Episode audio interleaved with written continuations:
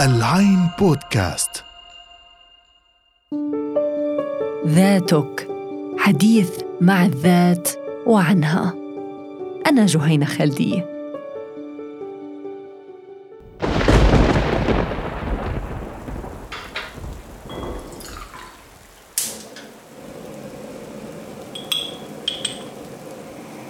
مع كل ملعقة بن مطفحة عم بحطها بالركوة وحرك كان عم بدور براسي مليون صفحة وفكرة.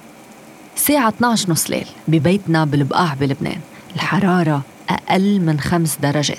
حضرت تاني ركوة قهوة لليلة كومت كل كتبي ودفاتري حول الصوبيا اللي كريت مازوطة لتصير خيط وتعلى نارها قاعدة بالمطبخ الأوضة التانية بالبيت غير الصالون اللي فيها تدفئة وهدوء.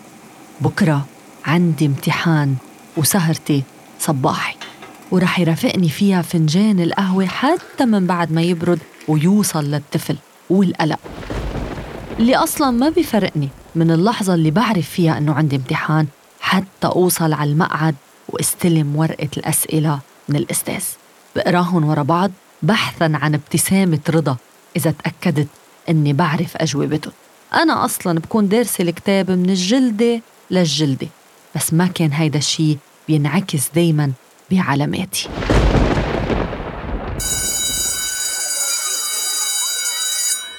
بفتح الكراس بحط اسمي وبزوزق الخط. وببلش بدي اكتب وفجأة بصير دماغي ورقة بيضة. ولا شي. حرفيا ولا شي. بتجمد بحس بضيق نفس وقلبي بدق مليون وكأنه كل التلاميذ عم بيطلعوا فيي. بصير بشوف وجه الأستاذ عم بيصحح ورقتي ويحط صفر ورا صفر ورا صفر. هيدا مثال واحد من تجربتي الشخصية مع القلق.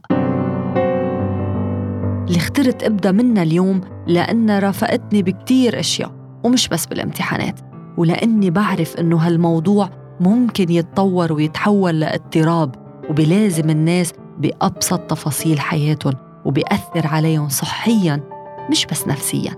في ناس بيصيروا بيقلقوا من كل شيء حتى مرات من الفرح. اضطرابات القلق هو موضوع حلقتنا اليوم من بودكاست ذاتك من العين بودكاست.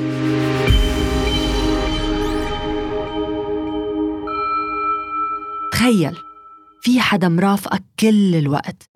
وما عنده غير الانتقاد والتعليقات على كل شغلة أو قرار أو حركة بتعملها. كل لحظة كل دقيقة كل الوقت. تخيل معي شعورك بسببه. هيدا هيدا هو بالضبط شعور الملايين من القلق. وهيدا الشخص هو صوت القلق جواتك وجواتهم.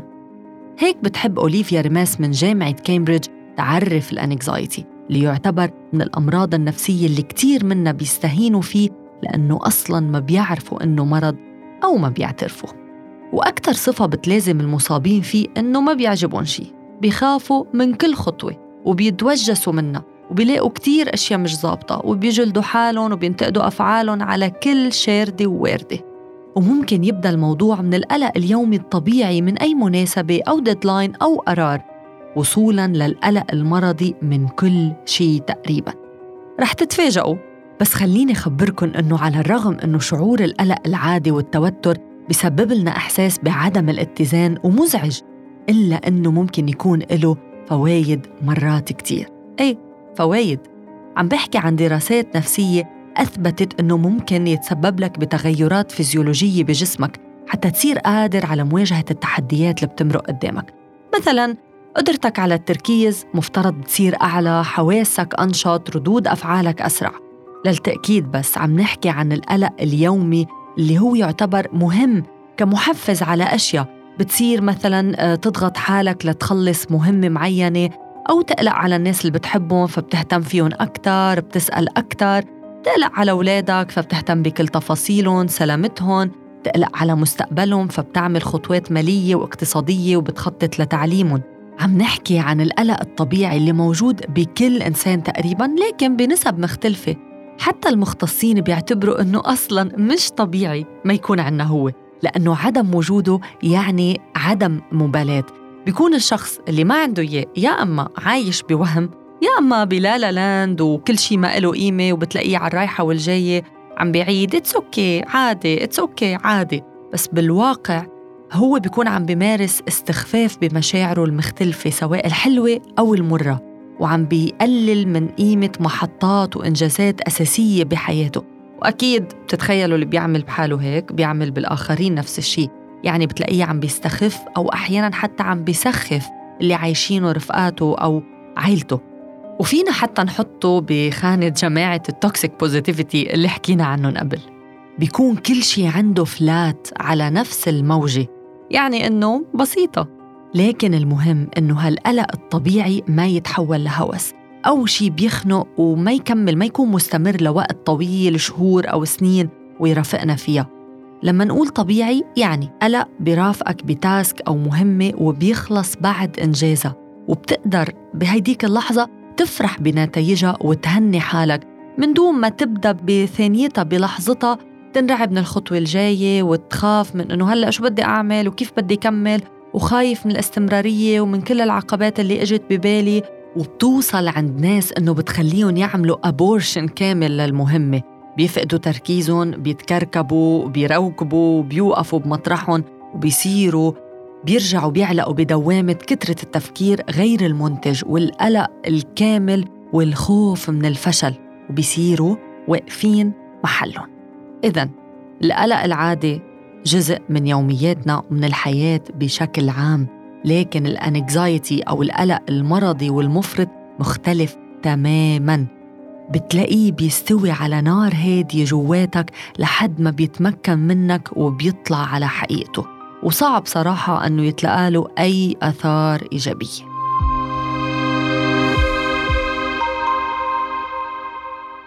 خلينا نحكي أكثر عن اضطرابات القلق وأسبابها. وأيمتى ضروري يكون في تدخل واستشارة مع مختصين خاصة أنه تجاهل وتركه بدون علاج بيأثر على صحتك وبسبب لك كتير أمراض بتكمل معك باقي حياتك. وعالمياً بيعاني حوالي مليار شخص بجميع أنحاء العالم من شكل من أشكال الاضطرابات العقلية والنفسية. وهيدا وفقاً لأحدث بيانات الأمم المتحدة اللي كمان بتقول إنه مثير للقلق إنه واحد من كل سبعة مراهقين مصابين باضطراب عقلي. وطبعا نسبة المصابين بالقلق تحديدا زادت لنسبة وصلت 25% بسبب كورونا. وبتقول الأرقام أنه كلفة علاج الاضطرابات والأمراض النفسية بتوصل عالميا لأكثر من 42 مليار دولار. اضطرابات القلق بحالاتها المتقدمة بتضاعف أي إنسان. لدرجة أنه بيتجمد وبحس تقريبا بشيء أقرب للشلل. واضطراباته بتشمل نوبات متكررة من المشاعر المفاجئة. ممكن توصل لذروتها بخلال دقايق وتتطور وتصير نوبات هلع. ورغم أنه أنت ممكن تفكر بالأول أنه مرة وبتمرق رح تلاقيها عم تتكرر. هيدا طالما أنه ما في شي تغير بحياتك وبعدك عم بتدور بنفس الدائرة. علشان هيك تجاهل هيدا المرض رح يخليك دايما تحت سطوته ورح يخليك ما قادر إنك تواجهه لدرجة بتوصل لمرحلة نوبات الهلع التامة اللي فيها بتتشنج وعضلاتك بتخزلك وتقريبا بينقطع نفسك وبتحس حالك عم تختنق. طيب لننتقل من هيدا الكلام العام نسبيا ونحاول نفهم شو هو السبب العضوي ورا كل هيدا يعني علميا شو بيصير بجسمك؟ كيف ممكن فكرة أو حادثة أو إيفنت آه، أو هاجس حتى إنه يخنقك؟ حرفياً يخنقك. فيزيائياً المخ بيطلق تدفقات من الهرمونات والإشارات اللي بتأثر على الجهاز العصبي تبعه. وعلى الأجزاء المسؤولة عن الإحساس والاستجابة للمحفزات الخارجية ومناطق التعبير عن المشاعر. ولأنه الأنكزايتي مرض فطبعاً له أعراض. مثلا التعرق المفرط ضعف بالتركيز صداع اضطرابات نوم زياد بمعدل ضربات القلب توتر آلام بالعضلات غثيان وآلام معدة وطبعا ضيق تنفس. وعند كتير ناس بيصير في زيادة بهرمونات التوتر مثل الكورتيزول أو الأدرينالين ويمكن على المدى القصير ما تصدق أو تفهم خطورة هيدي الأعراض. بس بمرور الوقت رح تقدر تشوف نتائجها كيف الصداع وقلة التركيز رح يخلوك أقل إنتاجية بشغلك؟ كيف توتر العضلات رح يسبب لك ألام؟ خليك منك قادر حتى تعمل الأشياء العادية بنهارك أو إنك تشبع من النوم أو إنك تعمل رياضة for uh, example الغثيان مثلا رح يأثر على شهيتك رح يضعف بنيتك وجسمك بشكل عام. وهكذا دواليك خليني أفكر أنا وياكم بأسباب القلق. ليه ليه الشخص بيكون عنده قلق؟ يعني ممكن يفيق هيك؟ يوم وقول أنا عندي قلق والموضوع صار بخوف. علميا يعتبر العامل الجيني الوراثي من أبرز عوامل الإصابة بالقلق المرضي تحديدا. طبعا في أسباب تانية مثلا صدمة صارت أثناء الطفولة تروما. آه، في إصابة بمرض خطير ممكن يخليه عندك توتر زايد سواء من الآلام من العلاج من التكاليف تبعه. هذا كله بصير خليك قلق على شكلك على مستقبلك على عائلتك. آه، الإجهاد آه، تراكم ضغوط الحياة موت أحد الأقارب ضغوطات العمل القلق المستمر حول الإنكم حول الماديات. طبيعتها الشخصية يعني ممكن أنت تكون يعني عندك انكزايتي ناتج عن طبيعة شخصيتك. وطبعا في شخصيات معرضة للإصابة فيه أكثر من شخصيات أخرى. ممكن الأنكزايتي كمان تكون عارض جانبي لأمراض أخرى مثل الاكتئاب أو اضطراب ثنائي القطب. وكمان المخدرات والكحول بتلعب دور كتير كبير. لما نحكي بتفاصيل الأنكزايتي ونشرح أسبابه وتأثيراته ممكن شخص يقول إنه هيدا موضوع يعني آه ما له حل. لكن أنت عندك مسؤولية تجاه حالك. إنك تتعالج وتتعامل وتتكيف مع موضوع القلق إذا كانت الحالة متقدمة لدرجة مأثرة على كل جوانب حياتك مثل ما حكينا لابد أنه يكون في استشارة مع مختصين وعلاج سلوكي بيمتد لأسابيع بحسب الحالة. وبنفس الوقت في خطوات ممكن الشخص يعملها ليتكيف مع القلق ويقلب المعادلة ويسيطر عليه أولا وأهمها أنك تسيطر على حياتك وعلى قراراتك أنك تتحكم فيها من أصغر خطوة لأكبرها. شعورك أنك مسؤول عن كل قرار وكل خطوة مهم مهم باتجاه, باتجاه حالك بنظرتك لحالك. والأهم أنك تنجز المطلوب أنك ما تأجل أنك تعمل كل شيء بيتطلبه الموضوع لتخلص task معينة. أكيد أنتوا عم تسمعوني رح تقولوا يا ريت الموضوع بهيدا بهي السهولة يا ريت المسألة بهيدي البساطة. قد إيه في منا آه ناس ما قادرين يخلصوا كل المطلوب منهم سواء بالشغل أو بالبيت أو بالدراسة. يمكن يكون في كتير أسباب مثلا آه ما في وقت.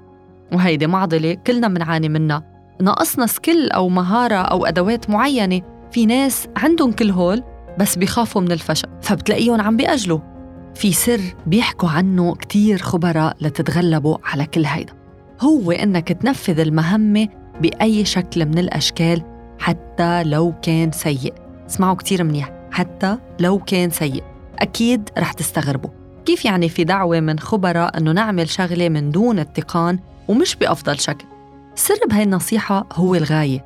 الغاية منا أنك تعمل الخطوة المطلوبة وتعملها بأسرع وقت لأنه تأجيلها والتفكير فيها كتير والحرص على مثاليتها واكتمالها ونضوج الفكرة وانتظار اللحظة المناسبة رح يخليها عم بتلوك براسك وتروح وتجي وتسبب لك قلق فظيع وبالأخير تشككك بحالك وبقرارك لدرجة تكنسلها وتنسى المشروع من أساسه. لهيك أهم شيء إنك تنطلق إنك تطلع بالمرحلة اللي وصلت لها. تاني مسألة جدا جدا جدا مهمة للتكيف والتغلب على القلق وهي إنه نخفف عقد الذنب وجلد الذات. إنه نكون أرحم على حالنا إذا ما كان إنجازنا كامل أو مثالي إذا وقعنا بأخطاء إذا وقعت منا أشياء إذا ما لحقنا على كل شيء إذا ما عرفنا نجاوب على كل الأسئلة إذا ما خططنا لكل حركة ونفس وخطوة ببزنس جديد عم نفتحه إذا ما رسمنا خط كل سفرنا بكل كيلومتر وكل دقيقة. من كم يوم كنت عم بحكي أنا وصديقتي كانت عم تقلي إنه سافرت على إيطاليا بإجازة هي بأمس الحاجة لإلها هي وصديقتها. هي بطبعها هادية وبتخلي الأمور تمشي على مجراها والطريق ياخدها مطرح ما ياخدها إذا فينا نقول. أما صديقتها فكانت كل الوقت موترة. يعني أي طريق بدهم ياخدوا أي ساعة رح يفيقوا ليجهزوا حالهم ليتروقوا ليلحقوا القطار ليكونوا بالمحطة. أه لحد أه كيف بدهم يكونوا قدام هذا المتحف بهيدي اللحظة. لحد ما اجى حدا بإيطاليا قال لها إنه relax relax signora إنه enjoy enjoy الرحلة. قد مهم هيدا الشيء؟ قد مهم إنه to go with flow إنه ما نقلق بخصوص كل شغلة. في أمور عفوية وجماليتها وبساطتها بعفويتها. نقطة إضافية. كتير مهم إنه نسامح حالنا. على الماضي البعيد البعيد كتير وعلى القريب. على تأخرنا ببروجكت مدرسة لأولادنا. على شيء مش راضيين عنه من الماضي. قد مهم إنه ما نضل حاسين دايما بعقدة الذنب اتجاه التفاصيل الصغيرة والتفاصيل الكبيرة. إنه نكون رحيمين على حالنا إنه نسامحها إنه نصالحها إنه ما نخلي أي شيء من الماضي نطهك براسه ويبلش يحشي وينخر براسنا ويزيد قلقنا لحد لحظة الانفجار. وآخر شيء كتير مهم يكون عنا هدف عايشين علشانه. هيدا الشيء مهم لنتأقلم مع قلقنا. شعور إنه في شيء عايشين كرماله أو شخص بيعني له وجودنا ومنحتاجه وبيحتاجنا كتير مهم للعطاء وللاستمرارية ولنشغل تفكيرنا بشيء له معنى.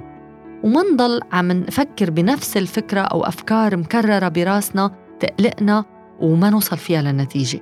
كتير مهم أنك تعمل شيء من شان حدا غيرك سواء بالتطوع أو بالتعليم أو بالعيلة أو بالحب.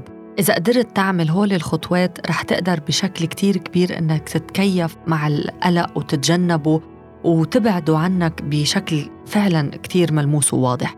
لكن إذا عندك أي من أعراض القلق وعم تكبتها ما تأجل تستشير مختص ما تستخف. تواصل وتفاعل وابني علاقات بتغذي روحك وعقلك. كون حد اللي بتحبهم احتويهم وخليهم يحتووك وفراح حتى بإنجازاتك الصغيرة. وفكر دايما إنك أنت بحاجة لتجاوب على سؤال أو اثنين لتنجح بالامتحان. ومش مطلوب ابدا تكز كل اللي حفظته من الجلدة للجلدة. حط عناوين فرعية لدروس مهمة. فكر كيف بدك تحقق الأهداف القريبة والبسيطة قبل الضخمة والكبيرة. فكر كيف ضروري تجاوب على الأسئلة الصغيرة والسريعة واللي بتعرفها قبل المعقدة. املى ورقة حياتك باللي بتعرفه وما تخلي كل الرغبة بالمثالية تنقض على عقلك وتعمل فيه زحمة حروف وكلمات وأفكار تعميك وتخلق مساحة بيضة براسك ما إلها قيمة وتشلك بتمنى لكم حياة خالية من القلق المرضي تحديداً اللي يعتبر أكثر أمراض العصر. شيوعاً.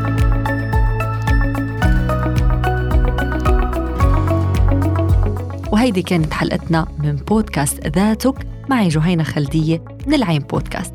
ما تنسوا تسمعونا على موقعنا العين dot com slash podcast. وعلى مختلف المنصات Apple Podcast Spotify Google Deezer SoundCloud وأنغامي العين بودكاست تسمع لترى العالم.